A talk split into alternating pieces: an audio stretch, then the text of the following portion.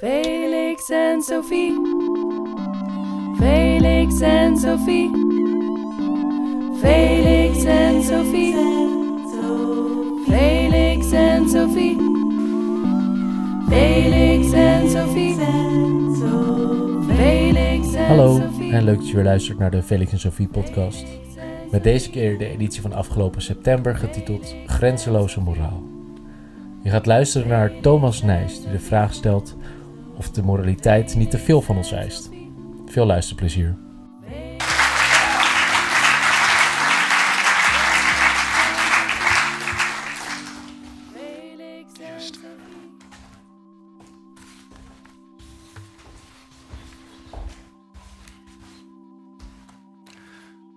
Dankjewel, dankjewel. Dankjewel dat het nog steeds vol zit. Je kunt natuurlijk niet, kunt natuurlijk niet weg. Ehm, ehm, allereerst mijn, eh, mijn excuses. Mijn excuses voor de eh, slides die jullie zult zien. Die zijn vormelijk in ieder geval van elke franje en levenslust ontdaan. Ehm, en dat komt, ik was heel blij met Huub, want dat komt door mijn talenten. Ik heb daar geen talent voor en daar ben ik ook niet verantwoordelijk voor, blijkt. Ehm, dus eh, hopelijk kunt u daarmee mee instemmen. En de vraag is een centrale vraag die ik. Dus ik denk, we zijn het niet fundamenteel eens op wat betreft de positie die we willen verdedigen. Maar ik heb wel een andere insteek of een andere aanpak, een ander verhaal wat ik wil vertellen. En dat verhaal is meer historisch van aard. Ehm, en ik denk dat dat ons iets kan leren over ehm, die concrete vraagstukken, los van de gedachte-experimenten, zeg maar. Ja, we kunnen dus hypothetische scenario's bedenken. Maar wat waren de echte um, omstandigheden waarin mensen bepaalde ethische theorieën naar voren hebben gebracht. Waar reageerden zij op en wat was eigenlijk hun idee van een moraal? En is die moraal te veel eisend? En wat was hun antwoord op dat bezwaar dat al eeuwen oud is? U ziet hier een quote. De quote is: We learn from history that we do not learn from history. Um, die quote die bleef mij bij. En toen zocht ik hem nog een keer op op internet. En toen bleek die van Hegel te zijn. En dat kan ik heel erg goed geloven, maar omdat hij van internet komt, denk ik, hij zou ook van Einstein of van Gandhi uh, kunnen zijn. Uh, en Hegel in het Engels, dat uh, loopt wat, of roept wat vragen op. Um, maar dat is wat ik wil doen. Ik denk dat zelfs dit niet waar is. Um, we leren niet van de geschiedenis. we, we, leren zelfs niet dat we leren van de geschiedenis. En als datgene wat ik vandaag wil vertellen klopt, klopt dan um, hopelijk leren wij er wel iets van. Van hoe dat in de geschiedenis gebeurd is en mensen gereageerd hebben. Oké. Dus wat is de kritiek of wat is de vraag die we ons vandaag stellen? Um, er zijn bepaalde morele systemen of moraliteit eist iets van ons. En de vraag is of dat te veel van ons eist. Maar om die vraag te kunnen beantwoorden, lijkt het alsof we eerst moeten bepalen over welke morele systemen we het precies hebben. Ja? Welk systeem eist iets van ons en is dat te veel? En dus de um, theorie die door Huub werd gepresenteerd is het utilitarisme. En daar lijkt die vraag pertinent. Ja, ja, het eist te veel van ons, want zij eisen het grootste geluk voor het grootste aantal. Ja. Zij eisen dat we moeten blijven geven tot de individuele kost die wij oplopen, gelijk is aan het goede dat wij tot stand kunnen brengen ergens in de wereld. Dus dat is een specifieke morele theorie, die misschien, zo zou kunnen blijken, in sommige opzichten te veel eisend is. En die claim wil ik onderzoeken aan de hand van een klassiek utilitarist. Dus dat is één deel. Maar dat wil niet zeggen dat misschien andere systemen niet veel eisend zijn. Daarnet kwam de deontologie ter sprake. Dus hoe zit het met andere morele systemen? En zijn die ook te veel eisend? En wat kunnen we daar, al, daar dan over zeggen? En hoe ruim is de problematiek? Misschien zijn er mensen die claimen dat u iets moet doen en die zich geen utilitarist noemen, nog deontoloog, waarvan wij het nog steeds denken dat het te veel van ons eist. Mensen zouden zeggen, ja, we moeten iets doen aan de milieuproblematiek, aan de uh, opwarming van de aarde. En dan zeggen ze, maar dat is te veel gevraagd om dat te doen. Ja, die mensen hoeven zich niet te bekennen tot een of andere school, maar ze denken dat er een bepaald doel is, iets wat ze willen bereiken, wat onhaalbaar is en dat we het daarom niet kunnen doen, hè, niet van ons verwacht mag worden, omdat wij daar te veel geluk of te veel vrijheid voor moeten opgeven. Dus dat is ook een van de vragen die ik stel. Hoe algemeen is deze problematiek? Um, wanneer het gaat over moraliteit over het algemeen en over het algemene idee dat moraal um, sowieso te veel eisend is voor ons. Nu, de eerste figuur die ik dus wil presenteren is die John Stuart Mill. Um, maar misschien kan ik aanhaken bij um, uh, de figuur die jullie daarnet gezien hebben. Het opgebaarde lichaam van uh, Jeremy, Jeremy Bentham. en daar is een verhaal over te vertellen dat dat een heel excentriek persoon was. Ja, een totaal excentriek persoon. Um, wat was het? Early adapter van de wollen onderbroek. Niemand droeg wollen onderbroeken, maar uh, Jeremy Bentham wel. En waarom? Omdat het ontzettend nuttig is. Het is handig, het is makkelijker, het is hygiënischer dan geen onderbroek dragen. Wat misschien voor u zo'n shock komt dat dat toen um, uh, de gewoonte was. Um, maar hij vindt ook allerlei dingen uit. Hè. Hij vindt het panopticon uit voor die mensen die um, Foucault hebben gelezen. Hè. Een gevangenissysteem met een ronde vorm enzovoort. En een wachttoren in het midden, zodat gevangenen niet weten wanneer ze bekeken worden. Ja. Waardoor ze zich netjes gedragen. En het idee van Bentham is opnieuw, ja, we moeten alles hervormen, want oude systemen van straf, waar de ratten aan je tenen knagen, ja, daar moeten we van af. We moeten naar een humaner, efficiënter strafsysteem gaan. Ook het feit van zijn lichaam denkt van ja, wat een vreemde man was het eigenlijk. En die laat zich opzetten en die kun je nog steeds in University College kun je die bekijken. Hij is verhuisd en zit nu in een geüpdate nieuwe glazen uh, woning. Niet meer in die houten kast die u daarnet zag. Um, maar het, het sluit volledig aan bij zijn idee. Oude taboes moeten verdwijnen, want die zijn vaak religieus gefundeerd. Ja. En onder andere het taboe op dode lichamen dode lichamen zijn bah en uh, die moeten buiten de stadsmuren begraven worden en ze moeten zo ver mogelijk vandaan blijven. En Bentham lijkt te zeggen, waarom eigenlijk? Waarom? We kunnen die mensen toch ook opzetten en dan kunnen we er nog enig plezier aan beleven. Um, we kunnen ze bijvoorbeeld gebruiken bij toneelvoorstellingen. Hè. Dan moet niet iemand heel de tijd stil blijven staan, maar daar gebruiken we dan een overledene voor. Um, en het idee is dus opnieuw, vanuit het idee van wat nuttig is, wat geen schade toebrengt, moeten we dat herzien pleit ervoor rechten van de dieren, tegen het taboe op homoseksualiteit. Allemaal ideeën van die Bentham. Het lijkt alsof ik heel emotioneel uh, ben, maar dat is omdat ik zes uur lesgegeven heb vandaag. Dus um, dat is één. En maar ik wil de context in herinnering roepen. De context waarin Bentham opereerde, dat zag u daar net staan, die Principles of Morals and Legislation, dat is makkelijk te onthouden. Dat is de datum van de Franse Revolutie, 1789. En Bentham was de zoon van een advocaat. En wat hem stoorde, waren de wetten van toen. Ja. De ongelooflijke sociale ongelijkheid van het Londen aan het begin van de industrialisering. En hij zei: het wet hè, is gebaseerd op custom, op gewoonte. Het wet, hè, legislation, is gebaseerd op religieuze voorschriften. Maar we hebben geen enkel principe, geen enkel redelijk principe dat het een grondslag ligt aan de wetten die we vandaag hebben. En de resultaten daarvan zijn een ongelooflijke ongelijkheid van een kleine groep mensen die het goed hebben en 80 of 90 procent die absoluut miserabel is. Dus de graad van pauperisme of kindersterfte in die tijd is enorm. Als u dat niet gelooft, we zijn 1789, maar um, het Londen waar Mill in schrijft, is het Londen van Charles Dickens, als u wel eens een roman gelezen heeft van Charles Dickens, dan weet u dat het allemaal niet uh, roze geur en maneschijn uh, is daar. Hard Times bijvoorbeeld, het zit in de titel. Um, en het Communistisch Manifest is van 1847. Hè. Dus Marx en Engels schrijven hun werk in dezelfde of op basis van dezelfde politieke of sociale context als John Stuart Mill dat doet. Dus zij zijn bekommerd, Bentham en uh, Mill, om die reële bestaande ongeluk en lijden wat er in de samenleving aanwezig is. En daarom stellen ze een nieuw principe voor, wat zij denken dat leidinggevend moet zijn en dat nu voor het eerst empirisch en rationeel is. Mensen verlangen genot en proberen pijn te vermijden. En als je het daarmee oneens bent, of je denkt, oh, het klopt allemaal niet, dan geef je mensen maar een tik op hun neus en dan denk je, vond je dat fijn? Vond je dat leuk? Nee? Oké, dan zijn we het eens. Ja. Dan zijn we het eens dat dat is wat mensen fundamenteel proberen te doen.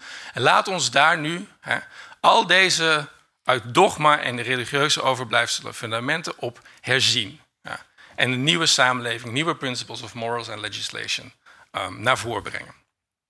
Oké, we gaan over naar Mill. Hè, dat was de, het peetkind, hè, de godchild van um, Bentham. En dus inderdaad fakkeldrager van een vernieuwd utilitarisme. En Bentham reageert expliciet, expliciet op het verwijt dat zijn theorie te veel eisend is. Dus ik denk dat het het moeite kan lonen om eens te kijken wat zijn antwoord was op die vraag of dat klopt inderdaad en wat zijn repliek was op ehm, die kritiek. De eerste ehm, kritiek is, het is totaal onbereikbaar. Ja. Wat die utilisten voorstellen is inderdaad the greatest happiness for the greatest number. Ja, dat is gewoon iets fantastisch. Namelijk dat um, dan zou iedereen altijd het gelukkigst mogelijk moeten zijn. En daardoor is het een onbereikbaar doel. En is het, als dat onbereikbaar is, is het onzinnig om daar een ethiek op te baseren. Dat is het idee. En zijn, idee is, zijn antwoord hier is van, uh, dat klopt helemaal niet. Dat is niet wat wij bedoelen. En we kunnen twee argumenten daarin onderscheiden. Het eerste is, het utilitarisme is niet alleen gericht op het creëren van geluk, dat is het positieve aspect, maar evenzeer op het vermijden van lijden. Dus laat ons daar de prioriteit op leggen, zegt Mill. Wat wel degelijk bereikbaar is, is het afdekken van de grootste bronnen van lijden die wij kennen vandaag. Laat ons dat doen. En ik denk dat dat wel degelijk bereikbaar is. Dat is één ding. Het tweede is dat hij zegt, ook het geluk is niet onbereikbaar. Tuurlijk, niet een constant state of rapture, zoals hij het noemt. Niet een langdurige roes, hè, eeuwigdurende roes van allen. Maar een leven dat min of meer, zegt hij, waar het plezier de overhand heeft op het lijden, waar er meer actieve geneugden zijn dan passieve geneugden, dat is wel degelijk bereikbaar, zegt hij. En ten derde, de reden dat mensen denken dat het niet bereikbaar is, komt volgens hem op dat moment door de armtierige toestand van de instituties van de maatschappij waarin hij leeft. Dus dat zijn drie dingen. Hij denkt, we zijn belangrijke bronnen, en hij identificeert die bronnen ook, die het lijden teweeg brengen.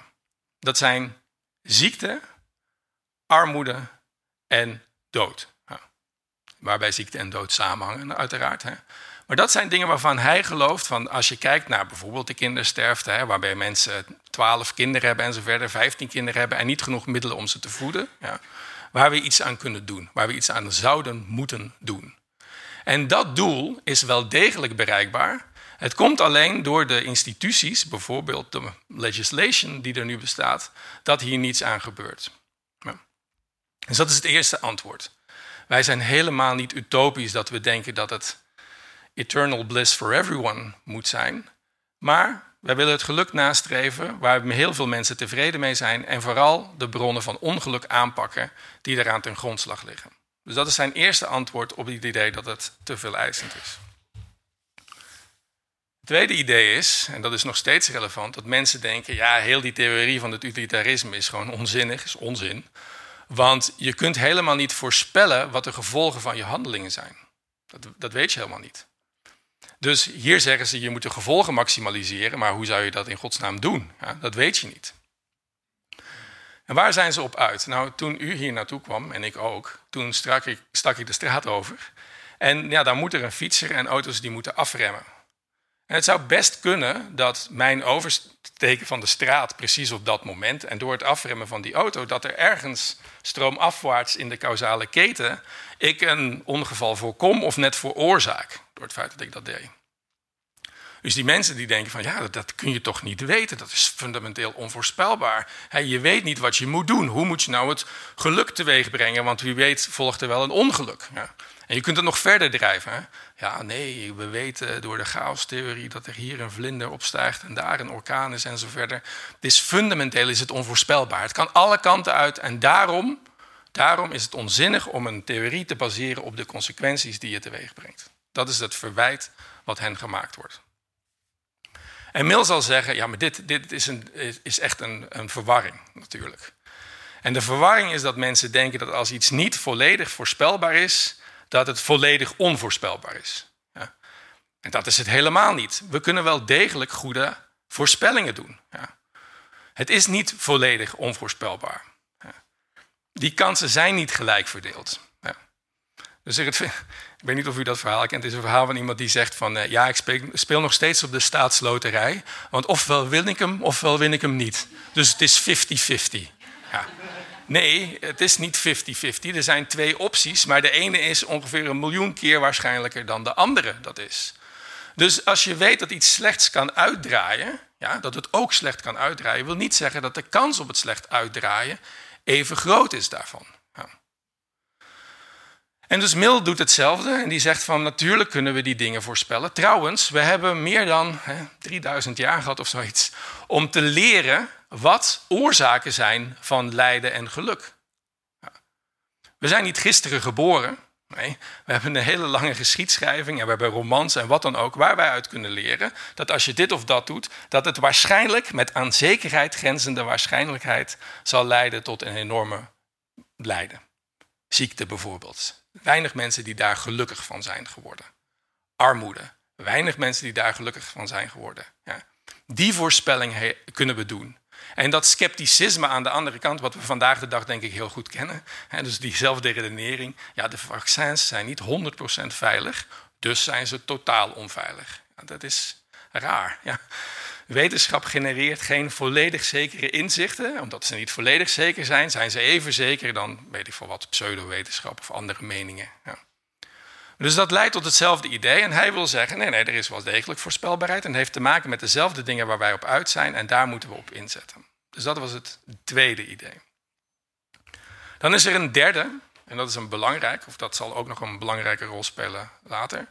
Ze zeggen: ja, het is onmogelijk om van mensen te verwachten dat ze handelen vanuit een moreel motief.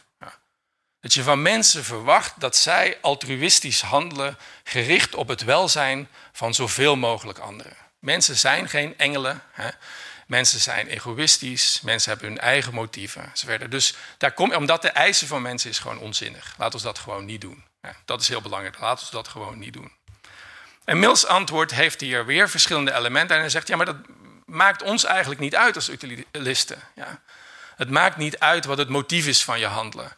Als jij voorbij die vijver loopt en je redt het kind omdat je denkt dat je bekeken wordt, omdat je denkt dat als je dat doet, dat je dan zeker in de krant komt de volgende dag, of iemand je 50 euro geeft om, om dat kind, zolang dat kind maar gered wordt. Daar gaat het om. Het gaat om de consequenties, niet om de motieven die mensen ertoe leiden om dat te doen. En nu komen we bij een verschilpunt mogelijk met Singer en het utilisme dat daar daarnet werd voorgesteld. Mill is ervan overtuigd dat bepaalde persoonlijke banden of bron, vormen van genegenheid. Ik weet niet waarom u eigenlijk waarom u een kind uit de vijver zou redden. Dat bedoel ik niet negatief. Ik bedoel net, ik denk dat mensen dat onmiddellijk zouden doen. Ja.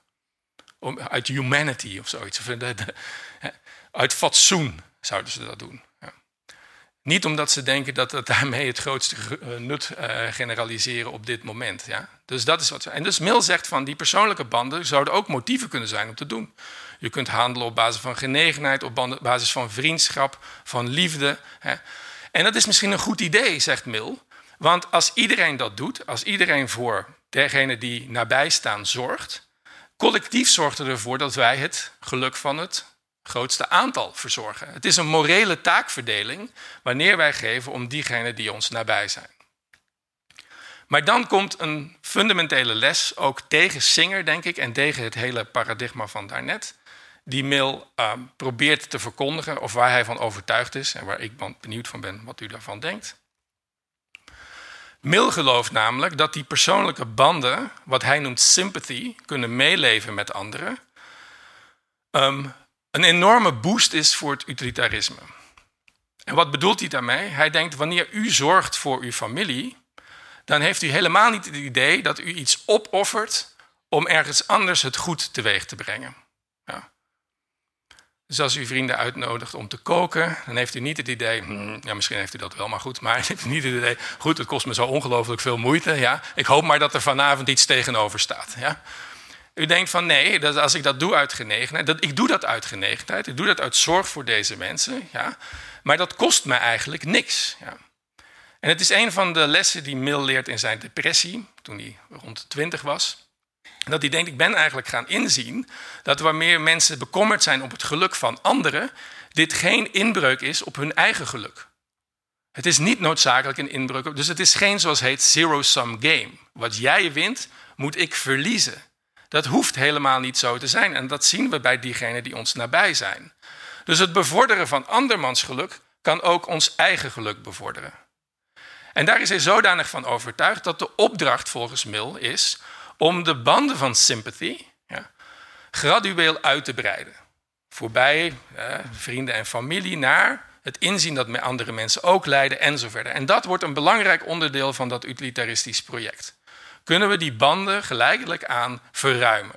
Hè, zodat mensen sympathie voelen met diegenen die wat verder van hen afstaan. Want als dat zo is, dan is het geen getouwtrek met betrekking tot het geluk. Ja. Jouw geluk ten koste van het mijne. En je ziet dat bij Singer, dus no, no cost. En dan is er wel een kost. En dan moet je... Maar wat wanneer dat denken in termen van kosten en baten niet helemaal opgaat? Ja. Maar dat er dus baten aan beide kanten zijn. Oké, dus dit is het antwoord, wat ik daarnet verteld heb. Um, wat Mill geeft. En waardoor hij concludeert dat het is wel degelijk bereikbaar. Ja, het is wel degelijk bereikbaar. Het is wel degelijk voorspelbaar. En het is wel degelijk doenbaar. Wat wij voorstellen. En ik denk dat dat een belangrijke les is. Want Mills idee is, die kritiek is helemaal geen theoretische uh, kritiek. Ja, dat mensen zeggen, nou, we hebben utilitarisme nog eens een keer bekeken en volgens ons is het inconsistent. Nee, de kritiek wordt gedreven vanuit iets anders, dat mensen dit niet willen doen. Ze willen liever bij het status quo blijven en daardoor verzinnen ze argumenten om het utilitarisme onderuit te halen. En dus probeert mild te argumenteren, maar eigenlijk is dat niet op rationele gronden, maar op emotionele gronden waar ze moeilijk van af willen wijken. Dus dat is de grond van die Oké, naar de andere, een bruske onderbreking. Uh, Immanuel Kant. En ik haal hem aan omdat bij Huub kwam die ook op een gegeven moment, hij kwam er niet voorbij in persoon, maar wel als deontologische ethiek. En dus misschien is het interessant om te kijken wat daar het antwoord is of wat daar het idee is. Dus die Kantiaanse ethiek staat bekend om absolute, onvoorwaardelijke plichten waar we ons aan dienen te houden. Daarmee wordt het geassocieerd. Hè, er wordt gezegd er is een absoluut verbod op liegen, er is een absoluut, absoluut verbod op stelen, er is een absoluut verbod op doden, op dwang. Hè, dat zijn misschien de belangrijkste die uit die Kantiaanse ethiek komen. En dat is absoluut en onvoorwaardelijk. Maar Kant is in tegenstelling tot het utilitarisme iemand die ruimte laat voor wat heet het toelaatbare. Als u zich houdt aan het voorschrift om niet te doden en niet te stelen en geen dwang uit te oefenen, ik hoop dat dat voor jullie allemaal geldt, voor ons allemaal geldt, dan mogen we hier rustig zitten. Ja. We hoeven niet nu het grootste geluk voor het grootste aantal, want we kunnen echt betere dingen doen dan hier zitten op, eh, in dat opzicht. Maar dat mag. Ja. We moeten ons aan deze plichten houden, maar niet voorbij die plicht gaan, dat hoeft niet. En we kunnen dus het toelaatbare hebben. In het verhaal van, van Huub was het ook zo dat dit soort plichten, dit soort andere dingen die belangrijk zijn, constraints zijn, ja, limieten zijn op datgene wat we in termen van het geluk behoren te bevorderen. Ja. Dus je zou Kant kunnen aanhalen als iemand die pleit voor het toelaatbare, hè, voor een soort een, een grenzen, palen en perk stellen aan de moraal. Ja. Dus dat kan. Maar daar zijn er mensen die denken, ja, maar ik heb iets anders te, op te merken bij Kant. Waardoor ik denk dat het eveneens iemand is die totaal het onmogelijke van ons vraagt. Namelijk wat een Kantiaanse ethiek van ons vraagt, is dat we handelen uit plicht. Dat we datgene wat we doen, um, doen omdat het moet en niet uit eigen belang. Dus dat is een belangrijk idee. Zelfs die mensen die niet liegen, zelfs de mensen die niet doden, we eisen eigenlijk van ze dat ze dat doen omdat het hun plicht is. En niet omdat ze anders de gevangenis in gaan of niet omdat ze anders sociale sancties vrezen enzovoort enzovoort. Dus hij eist een goede wil, een soort zuiverheid waar we nooit toe zullen komen. Ja, dus is dat zo? Is dat inderdaad te veel eisend? En Kantiaanse ethiek zegt, ja, Kant zegt dat is, dat is bijna onmogelijk. We weten nooit of mensen zuivere motieven hebben. Dat weten we niet.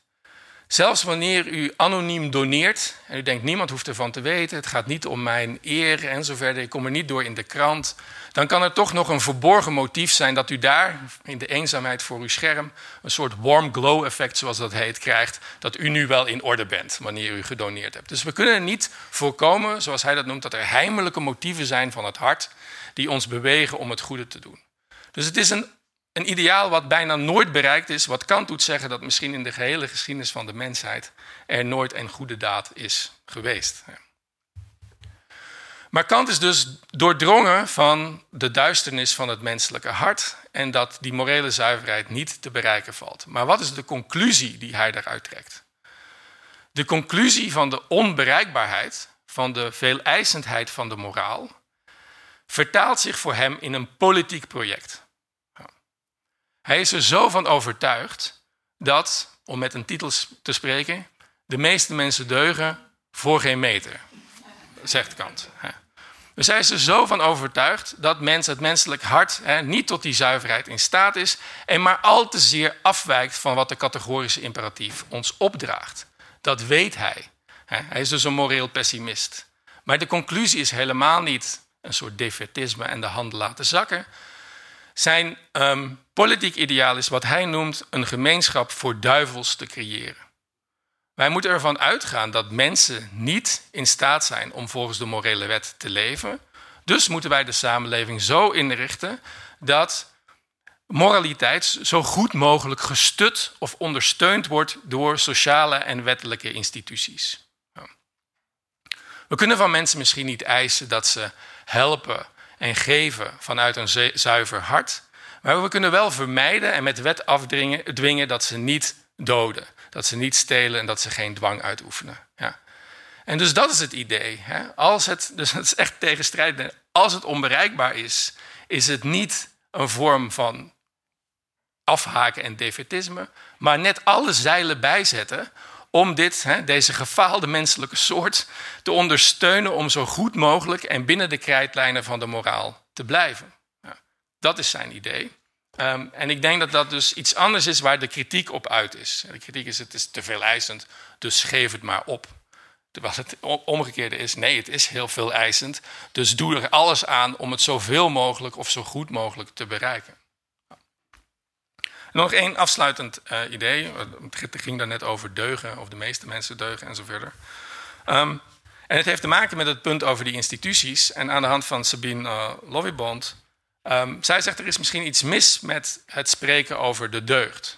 ik ben ook benieuwd wat u daarover denkt. Dus Loviebond is ervan overtuigd, of zij zegt, wat we vandaag zien is dat een betere wereld of het goede doen wordt overgelaten aan individueel initiatief van mensen die deugdzaam moeten zijn. Hè? Hun eigen karakter moeten ontwikkelen om zo goed mogelijk te leven. En dat betekent dus dat je um, um, uh, verantwoord moet eten, duurzaam moet consumeren of consuminderen. Dat is wat men behoren te doen. Maar zij ziet daar een gevaar in. Zij ziet een gevaar in die deugdzaamheid. En het gevaar is namelijk dat de deugd inderdaad nooit perfect is. Dat is een soort iets asymptotisch, hè, wat we steeds naar moeten streven. Maar wij zullen allen falen en wij zijn allen immoreel. Of we zijn allen uh, moreel imperfect in de deugd. En zij denkt dat dat gevaarlijk is, want als we weten dat we allemaal moreel imperfect zijn, dan besluiten wij daarmee uit dat we misschien allemaal even moreel imperfect zijn. Dat we allen toch onderaan de streep niet deugdzaam zijn. En zij zegt het zou anders moeten zijn.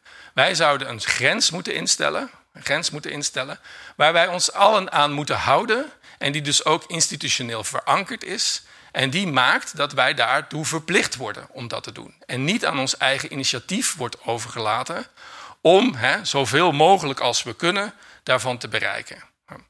Dus dat is haar idee. Conclusie.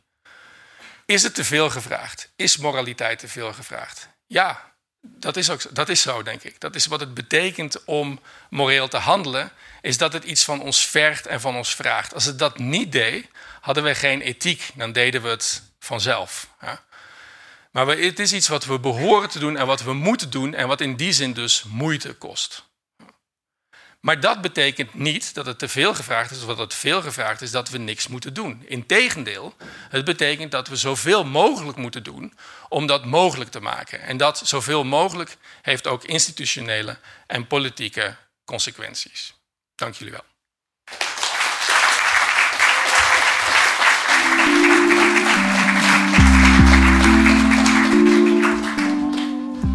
Bedankt voor het luisteren. Deze opname werd gemaakt in de theaterzaal van Boekhandel Perdu op de Kloveniersburgwal in Amsterdam.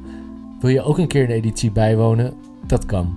Vanavond, 19 december, is er een editie getiteld Crisis. Voor tickets kun je gaan naar felixensofie.nl. De laatste kaarten zijn nog beschikbaar. Tot snel.